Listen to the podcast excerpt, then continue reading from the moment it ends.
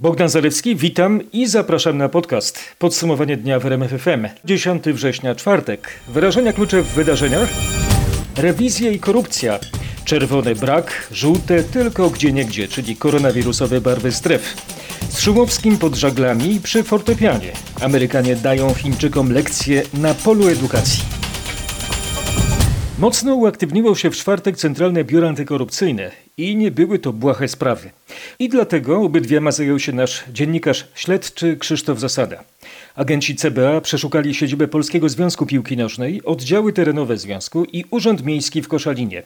Działali na polecenie prokuratury w Szczecinie w jednym z wątków śledztwa dotyczącego afery melioracyjnej. Funkcjonariusze zabezpieczali dokumentację dotyczącą m.in. działania Fundacji All Sports Promotion.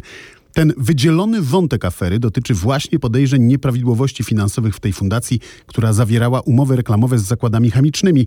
W zeszłym roku śledczy zatrzymali w tej sprawie 7 osób. Chodzi o nadużycia w kwocie około 2 milionów złotych.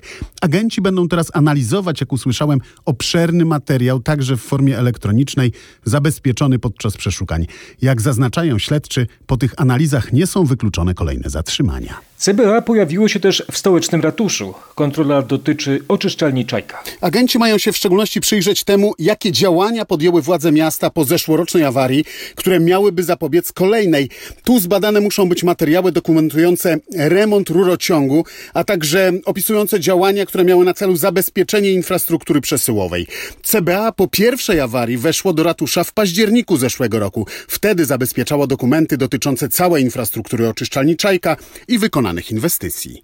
Na moście pontonowym łączącym stołeczne Bielany i Żoliborz wciągane były w czwartek po południu dwie nitki tymczasowego rurociągu kanalizacyjnego. Do wieczora ułożono je na jednej trzeciej przeprawy.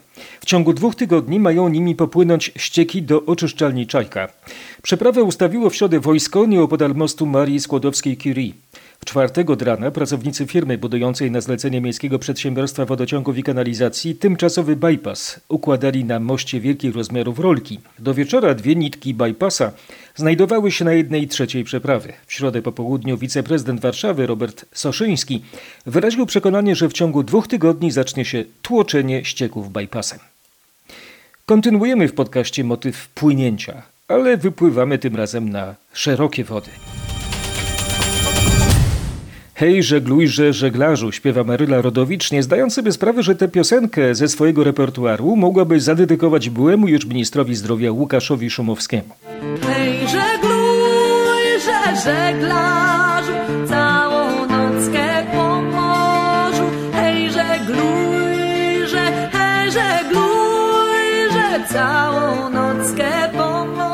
Pod koniec sierpnia trochę szumu zrobiło się wokół polityka Prawa i Sprawiedliwości, który po tym jak podał się do dymisji, udał się na wakacje do Hiszpanii. Wypoczywał na jachcie należącym do milionera Bogosława Szemiota, honorowego konsula Islandii. Tabloidy, publikując zdjęcia, zwracały uwagę na to, że Hiszpania jest krajem, który jest jednym z najmocniej dotkniętych przez koronawirusa. Na falach radiowych o ten żeglarski wątek Łukasza Szumowskiego zapytał nasz dziennikarz Robert Mazurek. Jak się udały wakacje? Spędziłem na morzu e, tam około 10 dni z jedną osobą i właśnie niestety m, wydawało mi się, że trochę prywatności będzie można uzyskać żeglując e, po oceanie, a okazuje się, że nawet tam niestety m, e, ktoś robi zdjęcia, co nie jest przyjemne i E, Ale wakacje się udały, spędziliśmy naprawdę wiele, wiele godzin, ponad 100 godzin e, żeglując i e, na ląd zeszliśmy tylko raz i to na wysepkę, która z tego co wiem, to chyba nie było ani jednego przypadku koronawirusa. Byliśmy we dwóch, więc e, było bezpiecznie. Przebywanie na pokładzie pływającej jednostki i schodzenie na ląd może być przenośnią i właśnie do tego metaforycznego wątku nawiązał też Robert Mazurek. 7 sierpnia w Wirtualnej Polsce mówił pan, że w takiej sytuacji, jaką mamy, nie można w ogóle rozmawiać o opuszczeniu okrętu.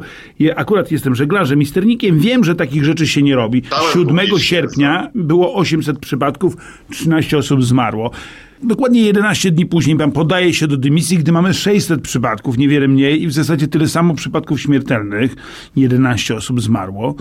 A dwa tygodnie po tamtej rozmowie, kiedy pan mówi, że w ogóle nie można mówić o, o tym, żeby, żeby podawać się do dymisji, znajdujemy pana gdzie? Na Fuerteventurze. Na jachcie, na Fuerteventurze Ile, akurat. ile, e, warte to są, ile warte są, ile słowa e, Łukasza Szumowskiego? Panie redaktorze, już za to e, publicznie przepraszałem, jeszcze raz mogę przeprosić. Na odchodny były minister zdrowia, poseł PiS, profesor, kardiolog, okazjonalnie tabloidowy celebryta, y, zaprezentował się jeszcze z innej strony. To była koda rozmowy, zakończenie muzyczne. Mam grać? No. Panie Czesiu, grać?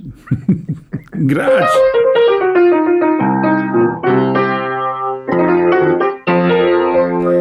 Jak na kardiologa, to niezły puls. Jak to było w innym znanym polskim przeboju, Ewy Bem, moje serce to jest muzyk improwizujący, co ma własny styl i rytm. Moje serce to jest muzyk, który zwiał z orkiestry, bo nie z każdym lubi grać.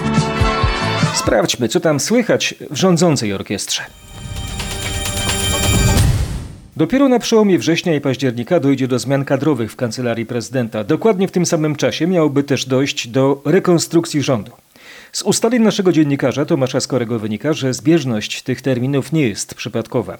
Tomasz wyjaśni, co to za koincydencja, to powiązanie zmian w gabinecie Mateusza Morawieckiego i w najbliższym otoczeniu Andrzeja Dudy. To kwestia przyznania prezydentowi większego niż dziś wpływu na koordynację polityki zagranicznej, co wymaga uzgodnień politycznych, bo wchodzi w kompetencje rządu. Nieoficjalnie znany plan mówi o podniesieniu rangi Biura Spraw Zagranicznych Kancelarii Prezydenta do poziomu porównywalnego ze znaczeniem Biura Bezpieczeństwa Narodowego w sprawach obronności.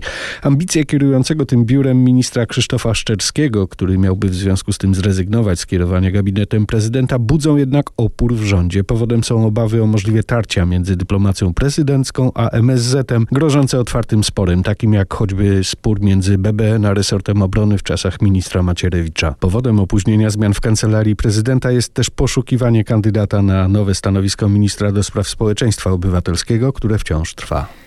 Można by to rozrysować jak mapę sztabową. Tu strzałka biegnie tam, tamta zmierza w tamto strategiczne miejsce. Nasz popołudniowy gość radzi jednak, by nie tracić czasu na takie dynamiczne kreślenie sytuacji w obozach władzy. To tylko wzniecanie pyłu bitewnego. Tak politolog profesor Rafał Matyja nazywa polityczne gry, które toczą się wokół rekonstrukcji rządu. Tu chodzi o to, żeby jakby ustanowić takie reguły gry na kilku szachownicach, że w zasadzie nie wiadomo, która jest tą decydującą, gdzie się rozegra ten najważniejszy bój. I ja myślę, że w ten sposób e, Kaczyński utrzymuje od lat kontrolę i nad swoją partią, i nad e, koalicją rządzącą. Także, żeby nie grać w jego koncepcie, trzeba się powstrzymać do decyzji i nie, nie, nie, nie nabierać się na rozmaite przecieki, spekulacje. Politolog z Uniwersytetu Ekonomicznego w Krakowie twierdzi, że o ile kształt ministerstw ma ogromne znaczenie dla rządzenia, to ich liczba już nie. Cała rozmowa Marcina Zaborskiego nie tylko o PiSie jest na rmf24.pl. Z całego serca polecam ten wywiad. Mam tylko jedną wątpliwość. Kiedy profesor Matyja radzi, by nie nabierać się na spekulacje, sam przecież spekuluje. Po przypuszczeniach komentatora wróćmy do twardych faktów. Kolor czerwony 0, kolor żółty tylko 3. Taką mamy nową, znikomą liczbę powiatów z obostrzeniami koronawirusowymi. Ministerstwo Zdrowia zaktualizowało listę powiatów. W podsumowaniu dnia Mariusz Piekarski. Tak zielonej pandemicznie mapy Polski nie było od momentu wprowadzenia podziału na powiaty czerwone, żółte i właśnie zielone bez dodatkowych obostrzeń. Po raz pierwszy w strefie czerwonej nie mamy żadnego powiatu w Polsce. W strefie żółtej z kolei mamy tylko trzy powiaty. Te powiaty oznaczone kolorem żółtym to powiat limanowski, tatrzański i nowy powiat na tej liście gostyński w Wielkopolsce. Ta nasza strategia działań punktowych przynosi efekty. Nie kryje zadowolenia wiceminister zdrowia Waldemar Kraska, także dlatego, że tylko pięć powiatów jest teraz na liście alarmowej, czyli blisko oznaczenia kolorem żółtym. To powiaty kluczborski, nowotarski, aleksandrowski, głubczycki i myślenicki. Pełne dane, m.in. o dużej liczbie osób, które wyzdrowiały z COVID-19, znajdziecie na naszej stronie rmf24.pl. W podsumowaniu dnia więcej uwagi poświęcimy skutkom specjalnych koronawirusowych rygorów. Michał Zieliński ma informacje o pracy zdalnej w czasie pandemii. Ja przygotowuję ten podcast w domu. Do jakiej grupy należę? Co dziesiąty pracownik został w Polsce przeniesiony do domu, tak wskazują dane GUS z początku lipca. Większość z pracowników nie może jednak pracować z domu, choćby ja jestem w studio w Krakowie i łączymy się z warszawskim studio, gdzie jest Krzysztof Berenda. Krzysztofie, w których branżach home office jest najczęstszy? No, przede wszystkim dotyczy to pracowników takich branż jak informacja i komunikacja, czyli na przykład dziennikarzy, ale to dotyczy też pracowników agencji reklamowych. Aż 60% z nich pracowało w ostatnim czasie z domu. Na drugim miejscu są naukowcy i na przykład architekci. Prawie 35% z nich pracuje z domu. Podobnie jest z pracownikami instytucji finansowych i to na przykład ludzie, którzy są zatrudnieni w bankach, ale też agenci ubezpieczeniowi. E, Ciekawie wygląda kwestia edukacji. Ponad 20% nauczycieli i korepetytorów pracuje zdalnie. E, Są jednak e, i takie branże, o tym też trzeba pamiętać, gdzie praca z domu z przyczyn oczywistych jest w zasadzie niemożliwa. I to na przykład hotelarstwo, gastronomia, górnictwo, budownictwo. Tutaj nie ma zmiłuj, do pracy trzeba przychodzić. To była lekcja ekonomii w trybie hybrydowym. Ja w domu, moi koledzy w drugim domu, bo tak od początku traktujemy RMFFM. Po zajęciach ekonomicznych uczymy się dalej. Bardzo dziękuję, że zostajecie, bo mamy kolejne ciekawe informacje w podcaście. Tylko 92 szkoły w całej Polsce pracują w trybie mieszanym, 46 całkowicie zdalnie. Resort Edukacji podsumował pierwszy tydzień roku szkolnego w okresie koronawirusa. Pozostałe szkoły i placówki oświatowe działają normalnie, a to aż 48 tysięcy. W podsumowaniu dnia Paweł Balinowski. Ministerstwo Edukacji na razie nie planuje zmian w reżimie sanitarnym panującym w szkołach. Nie ma w tej chwili mowy na przykład o tym, by uczniowie nosili maseczki również na lekcjach. Trudno sobie wyobrazić, aby małoletni uczeń e, przez 6 czy 5 czy 7 godzin e, cały czas przebywał w maseczce. Na pewno nie jest to higieniczne i zdrowe. Twierdzi Dariusz Piątkowski. Według ministra edukacji nie ma też potrzeby obowiązkowego mierzenia temperatury u wszystkich uczniów wchodzących do szkoły, choć dyrektorzy poszczególnych placówek oczywiście mogą taką decyzję podjąć samodzielnie.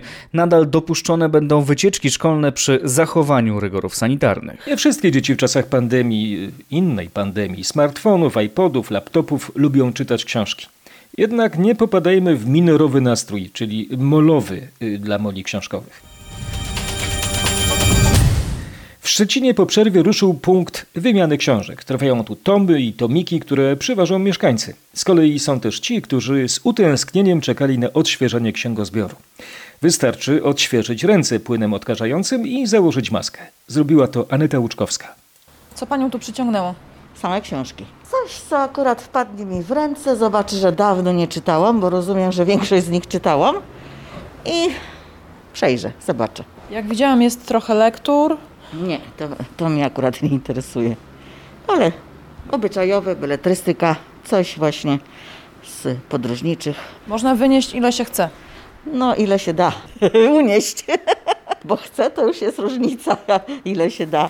Z punktu Książka na wynos przy ulicy Taczaka można wytoczyć dowolną liczbę publikacji, oddawać nie trzeba. Można przyjechać z własną taczką pełną beletrystyki, reportaży, książek y, kucharskich, co kto lubi.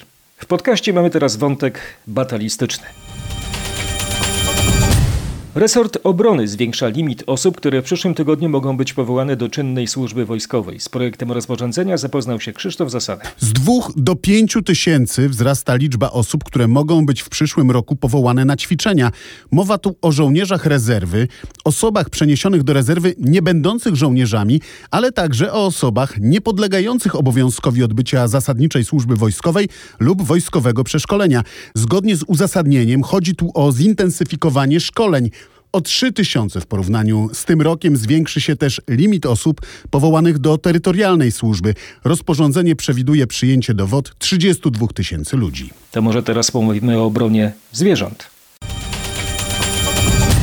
Krajowa Rada Izb Rolniczych sprzeciwia się nowelizacji ustawy o ochronie zwierząt, którą we wtorek zapowiedział Jarosław Kaczyński. Piotr Bułakowski przypomni, czego domagają się od prezesa PiS rolnicy. Wykreślenia zapisu dotyczącego zakazu uboju rytualnego i hodowli zwierząt futerkowych. Jak powiedział mi przed chwilą prezes Krajowej Rady Izb Rolniczych Wiktor Szmulewicz, rolnicy są za poprawą jakości życia zwierząt, ale na przykład sprecyzowana musi być zapowiedź wprowadzenia kontroli społecznych w gospodarstwach. Od tego dzisiaj są służby weterynaryjne i inne, które wydają zgody. Te kontrole społeczne, jak gdyby czasami ludzi niefachowców, którzy są, mogą być lekarzami, polonistami, historykami, nie za bardzo się znają na sposobie produkcji. Uchwała trafi teraz do ministra rolnictwa, premiera oraz prezydenta. Przedstawiony w czwartek rządowy projekt polityki energetycznej państwa do roku 2040 nie wywołuje u nas optymizmu, oświadczył szef Śląsko-Dąbrowskiej Solidarności Dominik Kolosz. Nie posunęliśmy się nic do przodu. Można nawet powiedzieć, że się cofamy.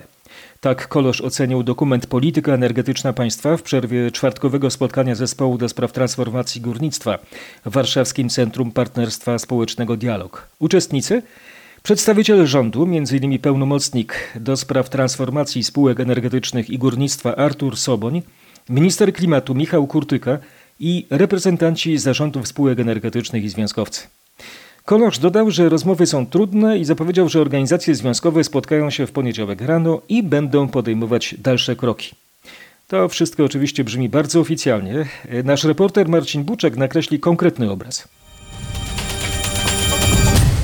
Górnicy, z którymi rozmawiał, przyznają, że nie wiedzą, co stanie się z kopalniami, a na dodatek twierdzą, że nie mają wpływu na decyzje, które ich bezpośrednio dotyczą. To jest gra polityczna rozgrywana w tej chwili, nie? Pracujemy, robimy swoje, a wiele rzeczy nie jest zależnych od nas. Węgiel potrzebny jest w Polsce. No, nie wierzę, że przejdziemy nagle na alternatywne e, jakieś e, paliwa, także no, myślę, że to górnictwo jednak jeszcze w Polsce te kilkanaście, kilkadziesiąt lat będzie się utrzymywać. Mieszkałem w Wałbrzychu, także tam decyzja o zamknięciu pokopalni była z dnia na dzień, a były nowe szyby za miliony złotych bite. Także to jest wszystko zależne od rządu. Myśli pan, że teraz też tak może być? Nie chciałbym, o, powiem tak. Będziemy walczyć o swoje i o utrzymanie. Jednak tak? No oczywiście. Marcin Buczek stał z górnikami przed bramą legendarnej katowickiej kopalni Wujek. Pytanie, czy decydenci znajdą dobre wyjście z sytuacji.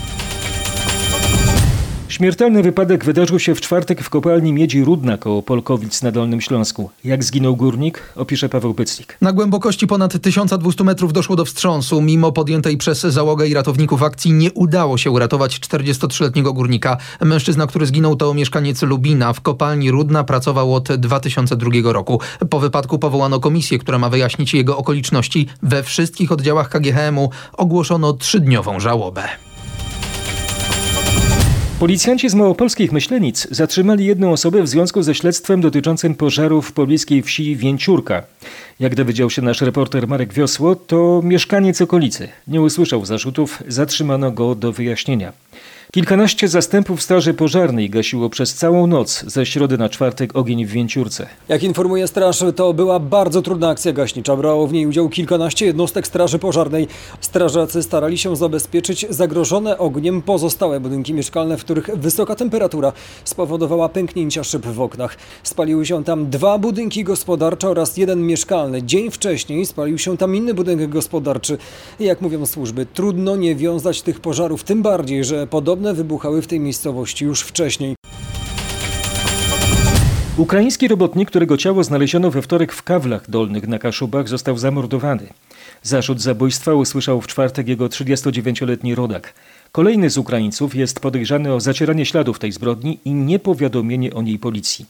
Prokuratura chce, by obaj trafili do aresztu. Kuba Kaługa. Dopiero sekcja zwłok wykazała, że przyczyną śmierci mężczyzny był wewnętrzny krwotok, który spowodował cios nożem zadany w brzuch. Biegły, który pracował w miejscu znalezienia zwłok, nie był w stanie określić, jak mógł zginąć Ukrainiec. Od początku jednak sprawa prowadzona była w kierunku zabójstwa. Dziś obaj podejrzani w tej sprawie przyznali się do winy i złożyli wyjaśnienia. Śledczy nie zdradzają jednak ich treści. Ustalenia wskazują na to, że trzech ukraińskich pracowników wynajmowało domek letniskowy w Kawlach Dolnych. W sobotę doszło między nimi do sprzeczki, która zakończyła się zbrodnią. Ciało Ukraińca, którego tożsamości dotąd nie ustalono, znalazł właściciel posesji. Podejrzani wywlekli je z domku i w niedbały sposób ukryli. Zostali zatrzymani w nocy z wtorku na środę w Gdańsku. Niemiecka policja zwiększyła ochronę berlińskiego szpitala, w którym leczony jest Aleksiej Nawalny. O najnowszych doniesieniach niemieckiego tygodnika Aneta Łuczkowska. Według Der Spiegel od wybudzenia ze śpiączki trzy dni temu Nawalny poczynił postępy. Mówi i prawdopodobnie też pamięta, co działo się przed tym, jak na pokładzie samolotu do Omska wystąpiły u niego objawy zatrucia. To ma być też powodem, dla którego zwiększono jego ochronę. W pobliżu szpitala Charité jest więcej patroli, a ochronę ma mieć też sam Nawalny na wypadek, gdyby miał być znów otruty. Według ustaleń niemieckich ekspertów Nawalnemu została podana trucizna z grupy nowiczoków, bardziej toksyczna niż ta, którą w 2018 roku otruto rosyjskiego agenta Siergieja Skripala i jego córkę. Nowiczoki produkowane są wyłącznie w Rosji. Chiny oskarżają Stany Zjednoczone o dyskryminację rasową oraz prześladowania polityczne. USA cofnęły ponad tysiąc wiz studentom i naukowcom z państwa środka. W centrum wydarzeń w Waszyngtonie jest Paweł Żuchowski. USA uważają, że te osoby stanowiły zagrożenie dla bezpieczeństwa Stanów Zjednoczonych, choć wiadomo, że decyzja o cofnięciu wiz została wydana w ramach odpowiedzi na ograniczenie demokracji w Hongkongu. Chiny uważają, że USA prowadząc z Pekinem wojnę handlową sięgają po kolejne środki. Teraz to rasowa dyskryminacja i prześladowanie. W USA studiuje około 360 tysięcy obywateli Chin. Biorąc więc to pod uwagę, tysiąc cofniętych wiz to nie jest jakaś olbrzymia liczba. Departament Stanu tłumaczy, że są to doktoranci i naukowcy wysokiego ryzyka, a prawdziwi studenci i naukowcy są nadal mile widziani w USA. Zastanawiam się nad nowym naukowym tytułem. Jest doktor habilitowany, a ten chiński, wysokiego ryzyka i odesłany do Chin, może doktor niezrehabilitowany. A teraz Ameryka otwarta y, na tenis, czyli US Open. W nocy z czwartku na piątek spotkania półfinałowe pań, w tym starcie dwóch gwiazd Sereny Williams i Wiktoria Zarenki. Ciekawe, czy Wojciech Marczyk trafnie przewiduje. Nie znamy jeszcze wyniku tego meczu. Sprawdźcie go na rmf24.pl. Wojtek wskaże faworytkę tego starcia. Wyniki dotychczasowych spotkań przemawiają za Sereną Williams. Na 22 pojedynki rozegrane z Azarenką wygrała ona 18. Obie panie grały ze sobą w finale US Open w 2012 i 2013 roku. Wtedy górą była Amerykanka. Ponownym starciem z Williams Wiktoria Azarenka jest mocno podekscytowana. Kocham grać z Sereną przeciwko niej. Zagrałam swoje najlepsze spotkania w karierze. Zawsze grałyśmy na wielkich imprezach i toczyłyśmy zacięte pojedynki. To spotkanie ma się rozpocząć o 2.30 w nocy. Wcześniej, bo o pierwszej rozpocznie się pierwszy półfinał. Reprezentantka gospodarzy Jennifer Brady zmierzy się z Japonką Jują Osaką. To płeć piękna, będziemy podziwiać panie, a teraz brzydale. No dobrze, powiem inaczej. Ci wspaniali mężczyźni w swych pędzących maszynach. Siedem odcinków specjalnych od rana do wieczora. Tak wygląda plan Rajdu Śląska. W piątek ceremonia startu, ściganie się po śląskich drogach w sobotę. Z powodu koronawirusa organizatorzy zrezygnowali z miejskich, krótkich super OS-ów. A przecież to właśnie te odcinki specjalne gromadziły największe rzesze fanów. Niespecjalnie.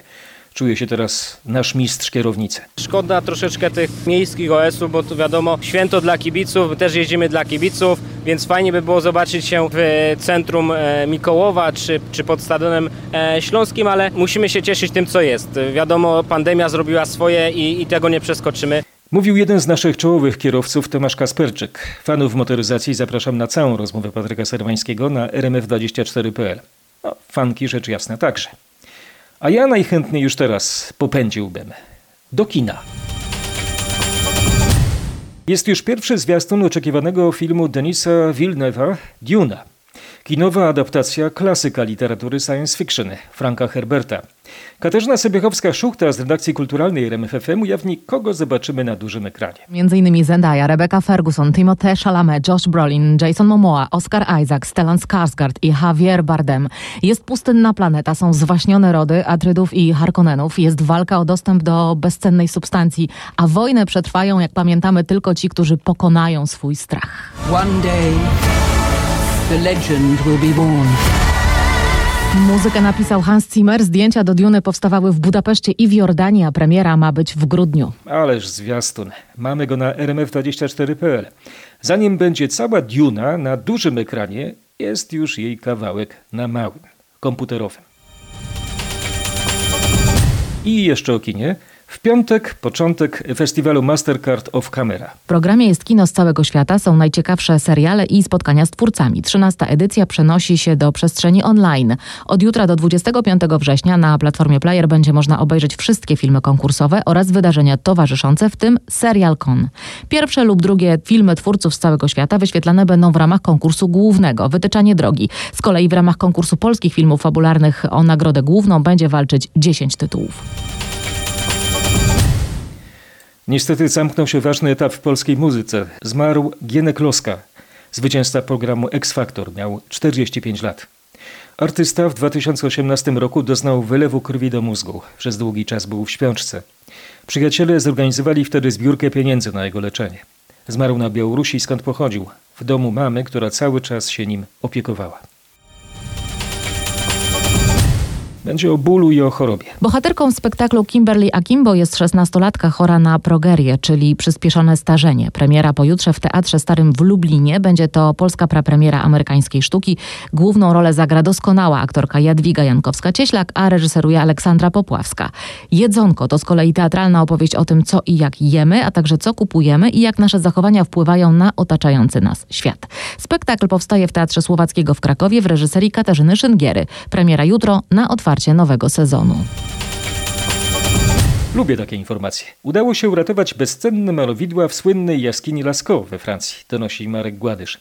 Specjaliści poinformowali o tym sukcesie w 80. rocznicę odkrycia groty, zwanej prehistoryczną kaplicą sykstyńską. Przez prawie 20 lat trwała codzienna zacięta walka z koloniami mikroskopijnych grzybów, które tworzyły czarne plamy, coraz bardziej pokrywające prehistoryczne malowidła. Ekspertom udało się w końcu położyć kres tej inwazji grzybów, stosując m.in. różnego rodzaju środki chemiczne. Dzieła sztuki sprzed ponad 15 tysięcy lat odzyskały dawną świetność. Jaskinia nie zostanie jednak ponownie otwarta dla publiczności, bo mogłoby to zniweczyć wszystkie dotychczasowe wysiłki. Turyści nadal będą mogli zwiedzać tylko jej kopię, która została stworzona w pobliżu i która mimo epidemii koronawirusa przyciąga każdego dnia średnio ponad 2000 osób. Wychodzimy z ciemnej jamy w skale, by odmalować obraz jasnymi barwami. Przeciętny Brytyjczyk poświęca ponad rok życia pomagając innym. To ustalenie ankiety przeprowadzonej wśród 2000 wyspiarzy. Bogdan Frymorgan ma bardziej precyzyjny przelicznik tych, na których można liczyć. Trzy godziny tygodniowo, tak to wygląda w mniejszej skali. To czas na robienie zakupów sąsiadom czy porządkowanie lokalnego parku. Jedna trzecia ankietowanych zanosi też prowiant do banków żywności, a co trzeci mieszkaniec Wysp Brytyjskich spędza czas z ludźmi starszymi, którzy są samotni. Autorzy ankiety obliczyli także, że średnio Brytyjczycy spełniają 16 dobrych uczynków miesięcznie. To może być pomoc w szkole, do której uczęszczają dzieci, lub rozwożenie lekarstw ludziom, którzy w czasie pandemii nie wychodzą z domu. Lista jest długa, podobnie jak pamięć tych, którzy pomoc tę otrzymują. O czym to ja miałem pamiętać? Aha, o powrocie lata. Ale jeszcze podam ciekawą naukową informację. Okazuje się, że zachowanie polegające na szukaniu słońca jest powiązane z genami. Jakimi? Uważajcie. Związanymi z uzależnieniem, cechami osobowościowymi oraz funkcjami mózgu. Nie wierzycie? Uczeni z King's College w Londynie mnie oświecili. Podali, że przebadali 260 tysięcy osób. Ciekawe, jak ich namówili. Chodź, słońce, zrobimy ci test, ok? Nawet ponad 30 stopni w cieniu mogą pokazać termometry na początku przyszłego tygodnia. Do Polski napływa bardzo ciepłe powietrze. Według synoptyków najwyższa temperatura będzie na południu kraju. Mieszkańcy województwa lubuskiego, województwa dolnośląskiego, opolskiego oraz e, południowo-zachodniej Wielkopolski będą się cieszyć e, właśnie tak wysokimi temperaturami. Możliwe są ostrzeżenia przed upałami. Tak, po weekendzie we wtorek e, bardzo prawdopodobne jest to, że nasi synoptycy wydadzą ostrzeżenia przed e, upałem. Czy wiadomo, jak długo ta gorąca, bardzo ciepła, późnoletnia aura się utrzyma? Według naszych e, prognoz na pewno tak będzie do przyszłego piątku. Prognozuje dyżurny synoptyk Instytutu Meteorologii i Gospodarki Wodnej Grzegorz Walijewski. A rozmawiał z nim nasz reporter Michał Dobrowicz. Y, Coraz cieplej będzie od tej soboty. W czasie weekendu termometry pokażą 28 stopni Celsjusza. A trzeba będzie chronić się w cieniu i w wodzie. Co też z wody wiślanej wyciągnięto w Krakowie. Zobaczcie ten połów na rmf24.pl. To był sum gigant. Ponad dwumetrowa ryba stawiała zaciekły opór, a po wszystkim odzyskała wolność. Jak na potężnego wiślanego władcę panował u stóp królewskiego Wawelu. Mm, Coś jeszcze w podcaście? W sumie to już wszystko. Zapraszam w piątek. Możecie do mnie pisać bogdan.zalewski małpa rmf.fm. No, oczywiście zapraszam do słuchania i subskrybowania. To było podsumowanie dnia w RMFFM.